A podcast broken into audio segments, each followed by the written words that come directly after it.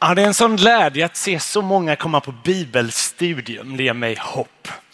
Eh, och idag ska jag och Pontus testa en grej. Vi ska testa dela på ett bibelstudium. Och eh, det vi ska göra är att vi ska tala om samma ämne fast från två olika bibliska texter. Jag kommer att prata om Kolosserbrevet 3. Den som vill kan börja slå upp den texten. Och Pontus kommer att prata om första Johannesbrevet 3. Där vi båda kommer att prata om förnyelsen av människan. För man kan undra, vad är det Jesus kallar oss till i en ny tid? Och svaret är egentligen vad han kallar oss till i alla tider. Och det är djupare och djupare och djupare i fullheten av vad som finns i Jesus. Och därmed så vill jag bara be en bön att den heliga ande ska bara öppna våra hjärtan innan jag läser dagens text från Kolosserbrevet 3. Eh, och att det här inte bara får bli ord och fakta, eh, liksom en, en, lista med lite fakta vi lär oss, utan att det här ska få bli liv och få förkroppsligas i våra liv och vara till ära till kung Jesus. Vi ber. Herre, vi ber att du öppnar våra hjärtan, du öppnar våra sinnen, våra tankar, Herre, för dig, Herre. Herre, vi ber denna stunden ska inte bara få bli om dig, men med dig, Herre. Och vi ber, Herre, det här ska få vara till din ära, Herre. Till din ära. I Jesu namn. Amen. Då ska vi läsa från Kolosserbrevet 3, vers 1 och framåt. Så här skriver författaren Paulus. Om ni nu har uppstått med Kristus, sök då det som är där ovan. Där Kristus sitter på Guds högra sida. Tänk på det som är ovan, inte på det som är på jorden. Ni har ju dött och ert liv är dolt med Kristus i Gud.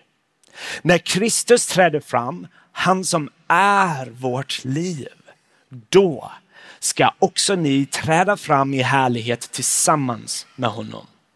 Döda därför era jordiska begär, sexuell omoral, orenhet, lusta, ont begär och girigheten som är avgudadyrkan. Allt sådant eh, gör att Guds vrede drabbar olydnadens barn. Bland dem vandrade också ni en gång när ni levde i dessa synder. Men nu ska också ni lägga bort allt detta vrede, ilska, ondska, förtal och fräckheter från er mun. Ljug inte för varandra. Ni har ju klätt av er den gamla människan med hennes gärningar och klätt er i den nya människan som förnyas till rätt kunskap och blir en avbild av sin skapare. Här är ingen grek eller jude, omskuren eller oomskuren, barbar, skyt, slav eller fri, utan Kristus är allt och i alla. Klä er därför som Guds utvalda, heliga och älskade i innerlig barmhärtighet, godhet, ödmjukhet, mildhet och tålamod. Ha överseende med varandra och förlåt varandra om ni har något att anklaga någon för. Så som Herren har förlåtit er ska ni förlåta varandra. Och över allt detta ska ni klä er i kärleken, bandet som förenar till fullkomlig enhet. Amen. Jag vet inte om ni har hört talas om burkkört. Eh, det stod en del om burkkört i tidningen runt 2008 till 2009. Och det var inte bara i Sverige det skrevs om honom, det skrevs även i USA om en man som bodde i Skellefteå, cyklade runt på sin cykel i fyra decennier och pantade flera burkar. Många tog för givet att han var hemlös för han var klädd på det sättet och han betedde sig på ett sätt som man antar hemlösa personer gör. Så man hade en bild av vem Kurt var som visade sig egentligen inte alls att stämma. För det visade sig att han levde ett väldigt sparsamt liv. Han köpte inte så mycket eh, till sig själv, men när han dog så uppenbarades för resten av världen vissa sanningar om honom som folk inte kände till. Det var att han var en miljonär. Det visade sig att han hade 124 guldtackor värda 3,4 miljoner kronor och en fastighet värd cirka 4 miljoner och aktiefonder i Luxemburg värda 11 miljoner kronor som ledde till att han hade en förmögenhet på 18 miljoner kronor. Vad har det här med Kolosserbrevet 3 att göra? Det finns en parallell. Det finns väldigt mycket som är olikt, men det finns någonting som är likt. För eh, på ytan, när man såg Kurt, så såg det ut som att han var något han egentligen inte var. Han såg ut att vara fattig, inte rik. Men sanningen var att han var egentligen en miljonär. Och även om det finns mängder av paralleller mellan eh, kristna och, och, och eh, mängder av paralleller som inte alls är lika mellan Kurt och Jesus menar jag. Eh, så är det ju just en grej som är väldigt lik. Det är att om du tror på Jesus, om du tillhör kung Jesus, så kommer det inte nödvändigtvis vara synligt på dig. Alltså vi hoppas att i våra gärningar, hur vi har agerat, att det är någonting distinkt, någonting annorlunda. Men det är inte som att det är någon gloria över ditt huvud. Från världens perspektiv, när du går förbi en person så är det en vanlig person som går förbi. Men vad du verkligen är på riktigt är någonting de inte kan se med sina ögon. Och det är någonting Paulus försöker insistera på i Kolosserbrevet 3. Att den som tillhör Jesus, den som tror på Jesus är kunglighet, tillhör himmelriket, har en status som är större än något annat som inte kan mätas med guld eller på något annat sätt. Att även i världens ögon så kan kristna se insignifikanta ut, inte märkvärdiga, inte kungliga. Men en dag kommer det uppenbaras att vi tillhör kung Jesus och han delar med sig av det som är hans, hans status, hans liv. Och därför står det i vers 3, ert liv är dolt med Kristus i Gud. Vem vi verkligen är, är inte synligt, det är dolt. Men det är beskyddat och det är sant om oss.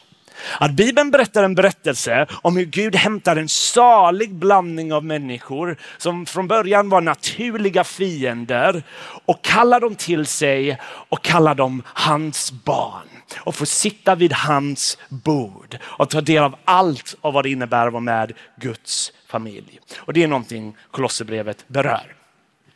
Så Kolosserbrevet Ehm, så verkar Paulus motarbeta någon form av falsk lära.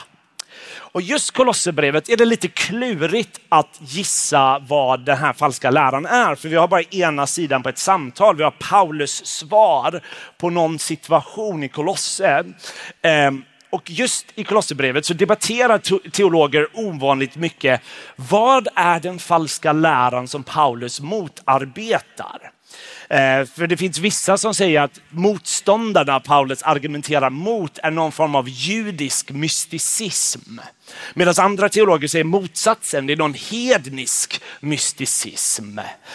Oavsett exakt vad den här falska läran är för något, så verkar det vara en grupp av människor som försöker förleda kristna till att förlita sig mer på de judiska lagarna i gamla testamentet än på Jesus. Och det är som att de också jagar mystiska himmelska visioner som verkar inte sätta Jesus i centrum. Och det verkar som att de har anammat någon form av filosofi som formar deras liv efter ett annat rike än Guds rike. Så, så vad det kan, kanske är då är någon liten mix av mystisk judendom, mystisk hedendom med lite kristet språk. Men i det där så verkar de ha en överfascination av änglar men har förminskat Jesus. Det Jesus verkar inte vara nyckeln till allt för dem. Och Paulus i hela Kolosserbrevet bekämpar denna falska läran genom att upplyfta Jesus. Kolosserbrevet är ett otroligt kristocentriskt brev där han försöker visa att försök inte jaga himmelska visioner och allt sånt där mystiskt i himlen om inte Jesus är i centrum av allt. Så i kapitel 1 så har han en vacker hymn i vers 13 och framåt där han säger så här om Jesus. Han har frälst oss från mörkrets välde och fört oss in i sin älskade sons rike. I honom är vi friköpta och har förlåtelse för våra synder. Han är den osynlige Gudens avbild, förstfödd för allt skapat. För i honom skapades allt i himmelen och på jorden, synligt och osynligt, tronförstar och herradömen, härskare och makter. Allt är skapat genom honom och till honom. Han är till för allt och allt hålls samman genom honom. Jesus är inte bara mäktig, han är universums skapare. Om man vill leta efter himmelska visioner, om man är fascinerad över änglar så måste man förstå att Jesus skapade änglarna. Han är herre över dem och inget är större än honom. Och då börjar Paulus i den här texten börja prata väldigt mycket om identitet. Pontus pratade mycket om identitet eh, igår på bibelstudiet och här gör Paulus det ännu mer på en individnivå. För han vill förstå att våran så otroliga nära koppling med Jesus bör förändra alla dimensioner i vårt liv. Så han säger så här i vers 1. Om ni nu har uppstått med Kristus, sök då det som är ovan, där Kristus sitter på högra sidan. Alltså han verkar anta att Jesu liv har börjat forma våra liv. Att Jesu död räknades som min död. Men hans uppståndelse verkar också räknas som min. Att på något sätt genom den heliga ande så har vi förenats med Jesus. Så hans liv och våra liv hänger ihop. Så att han kan märkligt nog säga att vi har uppstått med Jesus. Och det är lite speciellt. För i en bemärkelse så innebär det att en dag kommer vi fysiskt uppstå precis som Jesus. Att Jesu fysiska uppståndelse är löftet att vi också kommer fysiskt uppstå med våra kroppar. Men notera att han har sagt, ni har uppstått. I en annan bemärkelse så har den som tror, trott på Jesus och tror på eh, Jesus här och nu redan andligt uppstått med honom. Att hans död och hans uppståndelse har på något sätt hänt någonting andligt med oss så vi är förnyade. Hans liv har trätt in i våra liv. Och på grund av att vi tillhör Jesus så kallar Paulus oss till att söka, fokusera vår blick, våra tankar eh, på det där ovan. Och han definierar vad han menar det där ovan. Jo, den som sitter där, Jesus. Han vill att vi ska rikta våra hjärtan, våra begär, våra tankar mot honom. Så säger han så här i vers 3 till 4. Ert liv är dolt med Kristus är Gud.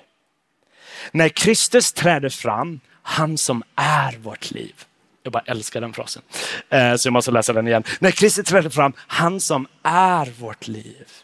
Då ska också ni träda fram i härlighet tillsammans med honom. Och här kommer en väldigt viktig punkt för att förstå hur, hur Paulus talar om etik. Hur Paulus pratar om hur vi ska leva i kapitel 2, kapitlet innan, då hade Paulus motarbetat lagiskhet. Han citerar lagiskhet i kapitel 2, 21, eh, att hans motståndare säger så här, ta inte, smaka inte, rör inte. Han utmanar någon form av lagiskhet som verkar vilja följa massa lagar för att få väldigt coola visioner. Så då vet vi, Paulus är mot lagiskhet. Men i texten jag läste så kallar han dock oss till massa saker. Han säger vi ska döda våra jordiska begär. Han räknar upp en lista, sexuell omoral, orenhet, lusta, ont begär. Och då kan man undra, vad är skillnaden? Kapitel 2 säger han, utmanar den här formen av lagiskheten. Liksom. Rör inte, ta inte. Men sen säger han själv, gör inte det, gör inte det, gör inte det. Vad är skillnaden? Och här är det väldigt viktigt att se någonting som jag tror kan hjälpa oss att förstå nästan alla Paulus brev. Om jag ställer er frågan, är Kristus ditt liv? För de flesta kanske det är en jobbig fråga att svara på. Alltså de flesta kanske känner, jag, jag, jag vill, jag vill att Kristus ska vara mitt liv. Men jag kan be mer, eh, jag, kan, jag borde läsa min bibel mer, jag borde gå till gudstjänsten mer. Och så gör man den här listan där man känner att man, man lever inte riktigt upp till det där. Och då är det väldigt viktigt att inse, Paulus ställde aldrig den frågan. Han ställde aldrig frågan, är Kristus ditt liv? Vad han gör är att han uttalar en sanning. Kristus är ditt liv. Kristus är ditt liv. Han säger inte, är Kristus ditt liv? Han säger, Kristus är ditt liv. Och här, här måste vi då notera en grammatisk poäng, så en eh, 20 sekunders grammatisk lektion. Det finns två olika grammatiska former, modus heter det. Eh, indikativ och imperativ. Eh, indikativ är påståenden, fakta, sanningar. Ehm, jag är från Sverige. Det är ett indikativ. Det är, inget, det är ingen uppmaning, det är bara fakta. Jag påstår någonting. Imperativ är uppmaningar, befallningar. Och en del av oss, när vi läser Bibeln, så älskar vi imperativ. Pastorer som predikar älskar imperativ, hittar lite grejer så vi kan tillämpa Bibeln på olika sätt. Så man dras åt dessa uppmaningar, befallningar. Medan en del av oss klarar inte av det. Man kanske har varit i lagiska sammanhang så man, bara kvävs så får man höra befallningar, uppmaningar och det leder till stress och man känner prestation. Och det är väldigt viktigt att inse att Nya Testamentet är fyllt av imperativ och indikativ alltid bredvid varandra. Inte den ena eller den andra. Och allt faller om vi har bara en av de här. Utan ständigt har vi ett indikativ och ett imperativ. Vad som är sant om oss och en uppmaning i ljuset av att det här är sant av oss. Så innan Paulus säger döda därför era jordiska begär, så har han sagt ni har ju dött. Kristus är ert liv. Innan han säger klä er den nya människan, så säger han ni har klätt den nya människan. Indikativ, imperativ.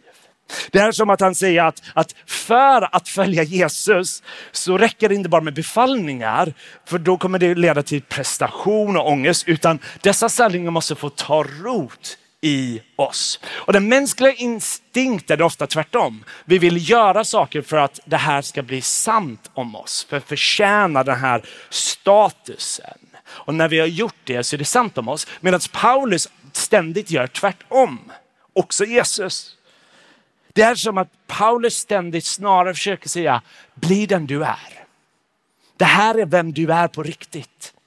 Lev i ljuset av den sanningen som Jesus har förklarat till dig. Jesus säger inte bli salt. Han säger ni är salt. Han säger inte bli ljus. Han säger ni är ljus. Han säger inte bli Guds barn. Ni är Guds barn. Ni är älskade. Så lev ut det i ljuset av honom. Så det är därför han kan säga i vers 2, ni har dött. Och sen vers 5, Därför döda era jordiska begär. Där, sen vers 9 till 10. Ni har klätt er den nya människan. Och sen vers 12. Klä er därför som Guds utvalda. Indikativ, imperativ. Indika, imperativ. Det är liksom en dans som måste hänga ihop. Och det gör han innan han gör den här listan av saker som Jesus verkligen kallar oss till att göra upp med i våra liv. Som lugn, ilska, sexuell omoral, girighet. Han bjuder in oss till en kamp som faktiskt kan vara smärtsam ibland. Men i vår kamp så måste vi först greppa att vi är älskade. Att vi är, vi har Kristi liv. Att vi tillhör honom. För annars kommer det här, dessa befallningar kväva oss. Den stora reformatören Martin Luther uttryckte det här på ett väldigt vackert sätt. Han skrev så här. Kärnan och grunden för evangeliet är att innan du tar till dig Kristus som en förebild så tar du emot honom som en gåva. Som en gåva som Gud har gett dig och som tillhör dig. Så innan vi gör What would Jesus do så måste vi förstå vad han har gjort. Och jag, tror, jag tror det här är viktigt om vi vill bryta mönster i våra liv, ilska, vrede vi kanske har mot vår respektiva fru, hustru, familj, vänner, brottning med pornografi, vad som helst. Då kan dessa befallningar vara kvävande och inte ge frihet. Men när vi får höra att vi är Guds barn, att Kristus är vårt liv, att vi har dött från detta. Det betyder att vi behöver inte vara fast i detta längre. Så är det befriande.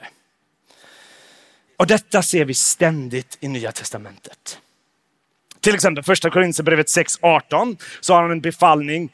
Fly imperativ, sexuell omoral. Men han säger inte bara det, utan han säger vers 19 och 20. Eller vet ni inte att er kropp är indikativ? Det är sant. Ett tempel för den helige ande som bor i er och som ni har fått av Gud. Ni tillhör indikativ, inte er själva. Ni är köpta indikativ till ett högt pris. Ära imperativ då Gud med er kropp. I ljuset av detta, bli den ni är. Bli det Gud har gjort er till. Det är sant och du kan, du kan inte rubba bort den statusen. Men Jesus kallar dig till att leva ut den verkligheten. Eh, man, man, ett sista exempel i Paulus är Romarbrevet. Hela Romarbrevet är byggt på det här sättet. Romarbrevet kapitel 1 till 11 är nästan bara indikativ. Något enstaka undantag i kapitel 6, men annars är bara vad Jesus har gjort, varför vi har förlåtelse, varför vi har frid. Det är bara proklamera Jesus. Så Paulus ägnar 11 kapitel för att beskriva indikativ, för att sen i kapitel 12 i ljuset av allt detta säga så här.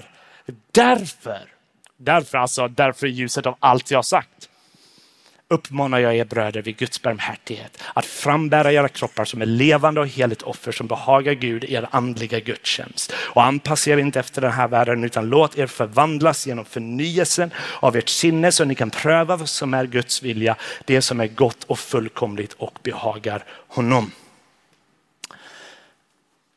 Så ljuset av dessa indikativ vi hör i Bibeln är vi kallade till att leva ut vad Gud har talat ut över våra liv.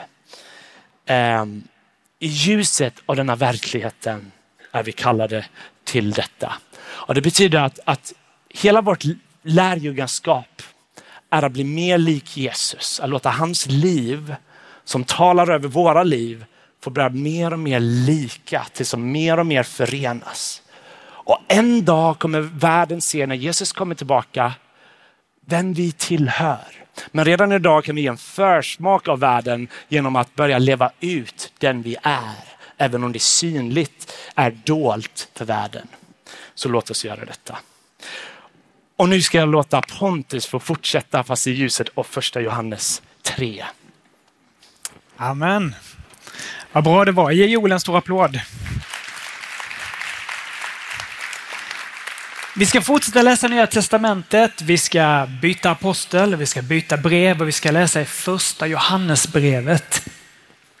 Det har gått ungefär 30 år mellan Paulus brev till kolosserna och Johannes brev som han skickar till en grupp församlingar i det som idag är västra Turkiet, mindre Asien. Och i den här tiden så har villolärorna som cirkulerade i området utvecklats något och de har påverkats väldigt mycket av grekisk filosofi. Som bland annat sa att det fysiska, det är någonting ont, men det andliga, det är någonting gott. Så inte kan det väl vara så att Gud som är helt och hållet god och ande kan bli en sån där människa. Och så brottades man med Jesus som är Gud som blev människa.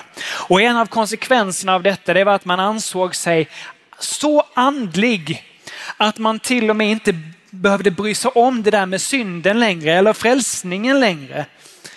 Eh, och det ledde till ett andligt högmod som gjorde att man både levde ett ogudaktigt liv men inte heller älskade. Och detta vill nu Johannes svara på i första Johannesbrevet genom att presentera Gud som är ljus och Gud som är kärlek. Så jag ska läsa ifrån första Johannesbrevet kapitel 2 eh, och från vers 28. Där står det så här. Ja, kära barn, förbli nu i honom så att vi kan ha frimodighet när han uppenbarar sig och inte behöver stå där med skam inför honom när han kommer. Om ni vet att han är rättfärdig, då inser ni också att var och en som gör det som är rätt är född av honom. Se vilken kärlek Fadern har skänkt oss. Att vi får kallas Guds barn. Och det är vi också. Världen känner oss inte eftersom den inte har lärt känna honom. Mina älskade. Nu är vi Guds barn och än är det inte uppenbart vad vi ska bli. Men vi vet att när han uppenbaras ska vi bli lika honom. För då får vi se honom sådan han är. Och var och en som har det hoppet till honom renar sig liksom han är ren. Så Johannes blev vår utgångspunkt när vi tittar på en ny människa i ljuset av en ny tid. Och igår så vill jag sätta lite fokus på församlingens respons till en ny tid i samhället och nu vill jag fokusera på vår personliga respons till det som verkligen blir den nya tiden, nämligen när Jesus kommer tillbaka. För det är det som det står talas om här i texten. Två gånger i de här verserna som jag läste så, så står det om när han uppenbaras. Och det handlar om när han kommer. Jesu återkomst. Och ordet i vers 28 här kapitel 2 när han kommer, som det står i, i Folkbibelns 15, eller hans ankomst som det står i Bibel 2000. Parousia. Det användes i den här tiden för att beskriva när en kung eller en regent kom till sitt eget område. Och då berättas det att när det här hände så var det ofta fest och man hyllade och tog emot kungen när han kom. Det är det som vi väntar på. Kungars kung, herras herre Jesus, han kommer tillbaka till sitt eget. Och den tidiga kyrkan levde med den här förväntan, en stark förväntan på att Jesus kommer tillbaka. Och därför handlade det kristna livet inte om att liksom försöka maximera det vi har här, utan man väntade och längtade. Och Nya Testamentet talar om detta om och om igen. Och jag har bara några snabba bibelverser här. Jesus han säger i Matteus 24.42, han talar om att vikten av att vara redo, vaka inför hans återkomst. Johannes 14 och 3, där lovar Jesus att när han nu går bort så ska han också bereda plats åt oss och sen ska han komma tillbaka och hämta oss så vi ska vara med honom. Paulus talar om det i första Thessalonikerbrevet 4 och 17 att vi ska ryckas upp och vi ska möta honom i skyn när han kommer. Och i Filipperbrevet 3.20 säger han att vi har vårt medborgarskap i himlen. Och därifrån väntar vi på Herren Jesus Kristus som frälsare. Så Bibeln är tydlig med att, att den här världen vi lever i, det är inte vår slutdestination utan vi är på väg någonstans. Vi, vi är på väg till himlen. Och även om det är så att den tiden vi lever i nu liksom kan vara fylld med alla möjliga saker som är obekvämt, motstånd, sjukdom, synd, elände på alla sätt. Så kommer det en dag när han kommer tillbaka. Och så säger Bibeln att när han kommer så kommer det sluta med en ny skapelse, en ny jord. När synden är borta, där lidandet är borta. När Gud blir allt i alla. Och det bästa av allt, när Gud kommer bo bland sitt folk och vi kommer vara med honom för evigt. Och därför är det kristna livet framåtlutat. Vi är på väg någonstans. Vi lever i ljuset av en ny tid. Och jag tänker ofta på Israels barn som blev frälsta ut ur Egyptens slaveri. Och de är på väg mot det förlovade landet. Men så är de i öknen. Och så berättas det om att de, de bor i tält. Därför att de vet inte när det är dags att dra vidare. Det står om härligheten som är över tabernaklet så står det att när härligheten stannade, då stannade folket. När härligheten lyfte sig och drog vidare, då drog folket vidare. Och så tänker jag att den kristna kyrkan alltid har varit ett folk på väg. Vi följer Gud på väg mot det förlovade landet. Snart kommer han för att ta oss hem. Det vi gör här och nu, Det gör vi i ljuset av att han kommer tillbaka. Och den här ah, livsattityden, den här väntan återspeglar sig också i många bibeltexter. Jesus han talar om att tänk på att samla er skatt i himlen. Inte här på jorden. Paulus talar om att vi ska vara vaksamma vad vi bygger våra liv med. På grunden Kristus kan vi bygga med guld och ädla stenar eller med trä, hö, halm, sånt som brinner upp när det testas.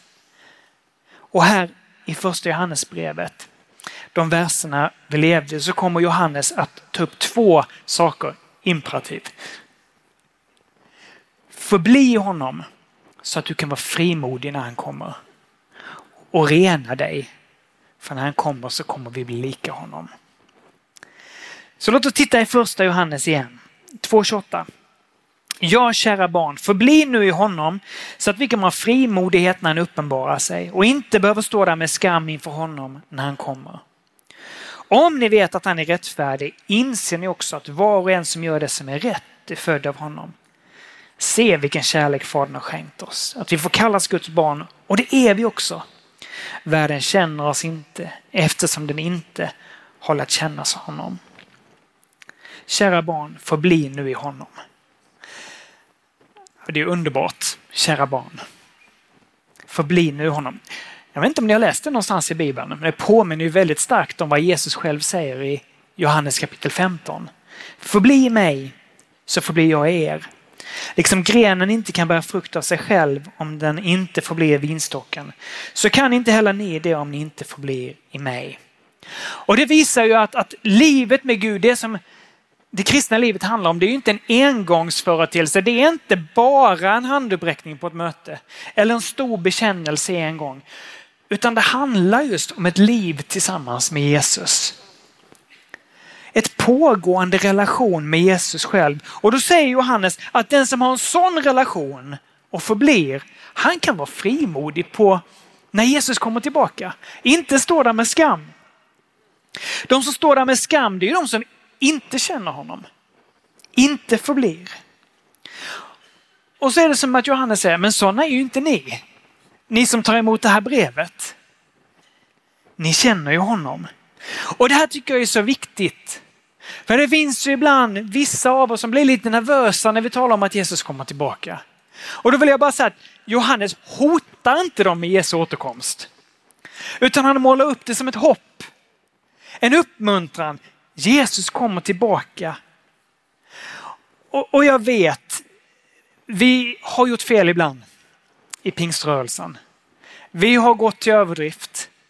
Vi har sagt saker på ett fel sätt. Det har hotats ibland. Och ändå så vill jag bara komma tillbaka till att det är ju vår största längtan. Han kommer tillbaka. Jag tänker hela Bibeln avslutas ju med det. Näst sista versen innan liksom Johannes skriver liksom tack och adjö ungefär. Så är det just att Jesus själv säger ja, jag kommer snart. Och så svarar församlingen Amen, kom Herre Jesus. Och jag tänker, det är inte vår domare som kommer tillbaka, det är vår frälsare som kommer tillbaka. Så att Gud vill att du ska vara frimodig när han kommer tillbaka. Därför att du känner honom och han känner dig. Det är vår befrielsedag. Vi lever i ljuset av att han kommer tillbaka. En ny människa. Ja, vi tittar i texten. Vilka är det då som är frimodiga? Enligt Johannes. Jo, han utvecklar ju detta och så pekar han på de som är födda av Gud. De kan vara frimodiga. Och, och sen så utvecklar Johannes någonting som vi, vi får vara lite försiktiga med så vi inte hamnar i det här lagiska diket. Därför att Johannes säger att man kan känna igen dem som är födda av Gud. Hur känner man igen Guds barn? Jo, men säger Johannes, det är relativt enkelt. Det är de som liknar sin pappa. Och de som liknar sin bror Jesus. Därför att om vi vet att Jesus, han är den osynlige Gudens avbild. Han är den som perfekt reflekterar vem Gud är. Om han är rättfärdig, då vet vi att de som är lika honom, det är de som är födda av Gud. Så funkar det. De är Guds barn som bär Guds likhet. Och det här kommer att vara Johannes argumentation genom hela kapitlet sen. Han säger inte om ni är perfekta och lever perfekt, då får ni bli Guds barn. Nej, det är faktiskt precis tvärtom. Och, och i Johannes evangeliet så, så säger Jesus det, eller Johannes skriver det att alla de som tog emot honom gav han rätten att bli Guds barn, de som tror på hans namn. Men de som har blivit Guds barn, de som har blivit födda av Gud, då finns Guds likhet i dem. Och det här är ju ett svar på dem som ville kalla sig kristna men sa att hur mitt liv ser ut spelar ingen roll, jag kan leva hur som helst. För det är ändå fine. Och då kan man ju bara brottas lite. Tänk om jag inte är en del av den här gruppen då?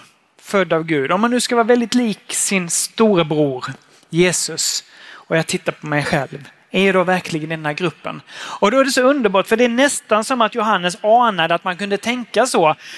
För att han liksom skjuter in och han utbrister fantastiskt. Se vilken kärlek Fadern har skänkt oss. Att vi får kallas Guds barn. Och det är vi också. Världen känner oss inte eftersom den inte lärt känna honom. Och grekisk kan han uttrycka stor förundran. Det är nästan som, kan ni fatta? Kan ni fatta? Vilken kärlek.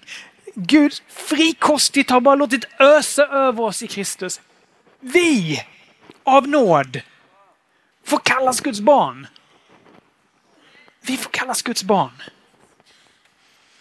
Och det är vi också. Och det är ju viktigt därför att Johannes poäng här, det är ju inte att, att, att, att bli kristen bara är ett statusbyte. Du får en ny etikett sådär, kristen, kristen, kristen, kristen. Utan det är ett naturbyte. Födelsen är någonting som är på riktigt. Någonting händer i oss. Världen känner oss inte, förstår inte vad vi är eftersom den inte känner vem han är. Min älskade, nu är vi Guds barn och än är det inte uppenbart vad vi ska bli. Men vi vet att när han uppenbaras ska vi bli lika honom, för då får vi se honom sådan han är. Och var och en som har det hoppet till honom renar sig liksom han är ren. Alltså redan nu är vi Guds barn, men det vi är nu är inte vad vi ska bli. Det är som att någonting har börjat men det är inte färdigt och Johannes han, han leker lite med det där att han vet inte riktigt vad det ska bli till slut. Och det är som att han förstår att, att det som har påbörjats i den nya skapelsen som anden fortsätter att göra genom hela livet, det kommer en dag fullbordas på något sätt. Eh, och Paulus han skriver något liknande i första Korinthierbrevet 2.9. Vad ögat inte har sett, örat inte har hört och människohjärtat inte anat. Det har Gud berett åt dem som älskar honom. Alltså det är liksom större på något sätt än det vi kan ana. Men en sak vet Johannes och det är att när han kommer tillbaka, då kommer vi få se honom och då kommer vi förvandlas och bli lika honom. Vi vet att när han uppenbaras ska vi bli lika honom, för då får vi se honom sådan han är. Och ibland funderar jag på vad är det vi längtar efter med himlen egentligen? Är det liksom bara att slippa det här eller jag vet inte om någon har fått några felaktiga broschyrer om eh, löften om det ena eller det andra. Är det att bli av med lidande och sjukdom? Jag tänker, ja, men det kanske ligger någonting i allt det där. Men det absolut mest primära är ju att då ska vi se honom. Då ska vi möta honom. Alltså poängen med himlen är ju att Gud är där, Jesus är där. Då ska vi få se honom. Så Jesus är inte medlet för att komma till himlen, han är poängen med att komma till himlen. I mötet med Jesus förvandlas vi. Och jag ska bara citera första Korinthierbrevet 15 också där Paulus säger att, att den här sista basunen ska ljuda, de döda ska uppstå odödliga och vi ska förvandlas. En dag ska vi vara som Jesus.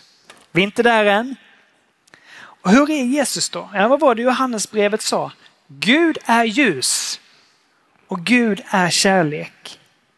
Så när vi förvandlas då kommer vi en dag få en uppståndelsekropp men vi kommer också vara helt utan synd som han är utan synd. Rena som han är ren. Men vi kommer också kunna älska som han älskar.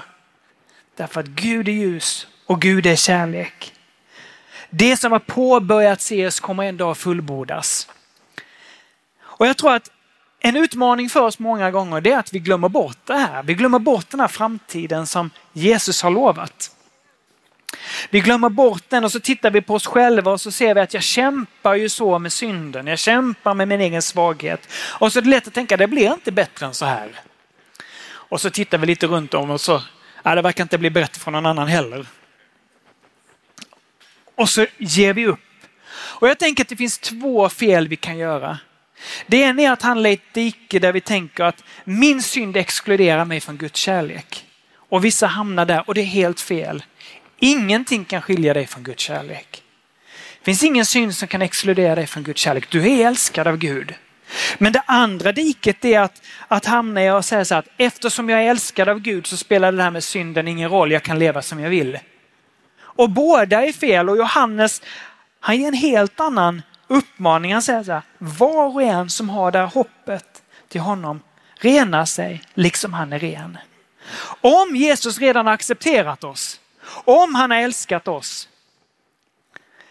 om det är så att det finns ett nytt liv som har börjat i oss och ändå kommer fullbordas, då är det naturligt för oss att redan nu förbereda oss för det livet.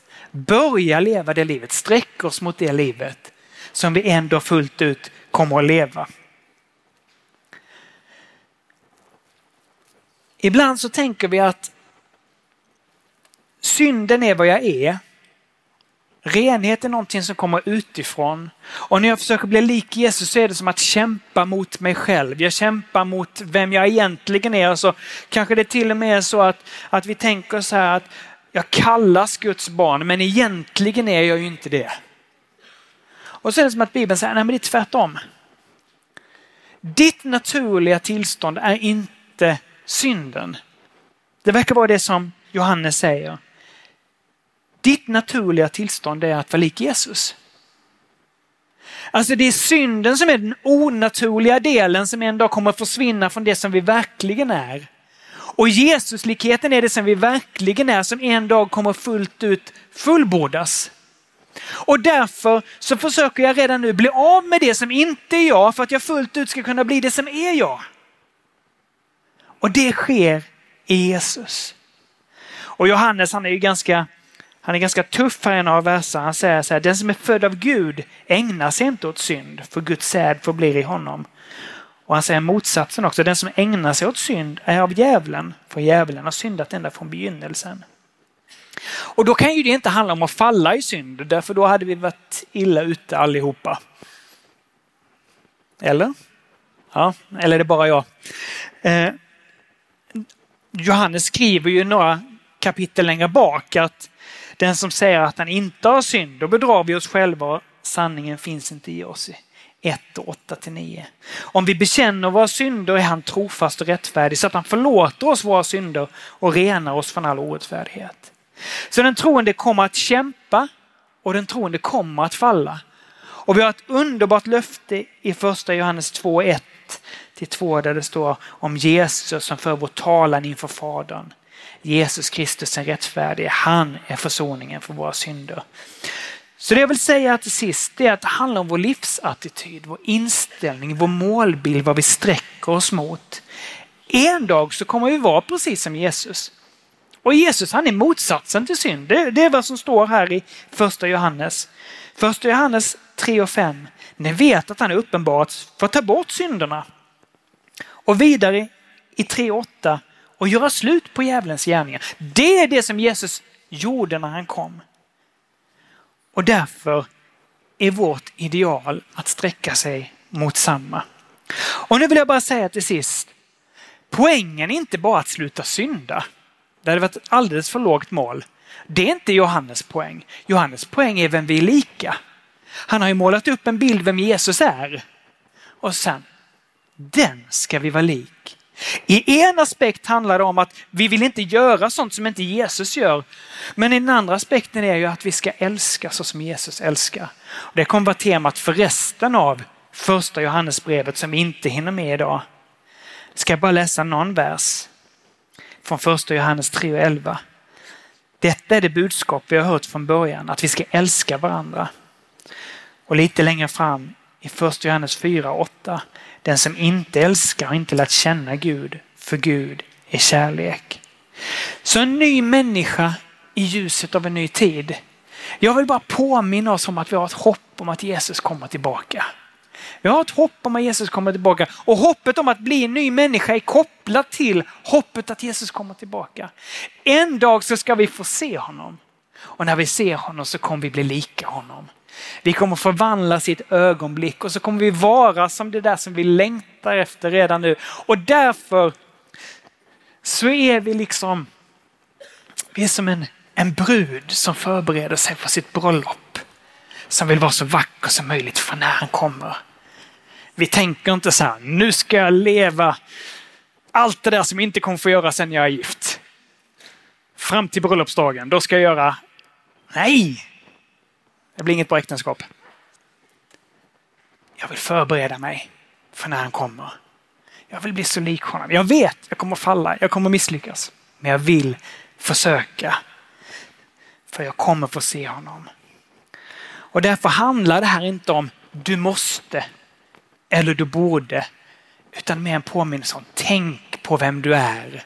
Så att du kan leva ut det du är och en dag fullt ut ska bli. Så jag ska bjuda upp Joel och så ska vi be tillsammans utifrån detta. Gott. Låt oss bara be det här ska få både tacka Gud över dessa sanningar som är oss givna och eh, be Gud att väcka en eld i våra hjärtan, Herre. Herre, vi tackar dig att du är god, Herre. Vi tackar dig för alla gåvor du ger, Herre. Ren nåd kallar du oss, dina barn, älskade. Och Herre, om det finns bröder och systrar här Många av oss som kanske brottas med skam, med prestation, med, med ångest när det kommer till det kristna livet. Herre, ber vi att din heliga Ande denna stund ska få bara överbevisa med din kärlek. De sanningar du talar över oss, Herre. Och att vi ska få glädjas i det där, Herre. Att du älskar oss betyder även att du tycker om oss. Gläds i oss, Herre. Och Herre, vi ber också att du ska även utmana synd i våra liv som, vi, vi, som Paulus kallar oss, vi ska döda och istället i klä, i glädje vad vi är kallade till att vara, vad vi är i dig Herre. Så Herre, vi ber att du väcker en, en längtan efter helighet som är helt frikopplad från prestation och skam, utan en längtan en längtan att bli mer lik dig för vi älskar dig och vi vill bli som dig Herre. Så Herre, vi tackar dig för dina gåvor och vi ber att du utrustar oss i den tjänst och det liv vi är i Herre. I Jesu namn Herre. Amen. Amen. Tack så mycket. Amen. En stor applåd. Tack så jättemycket.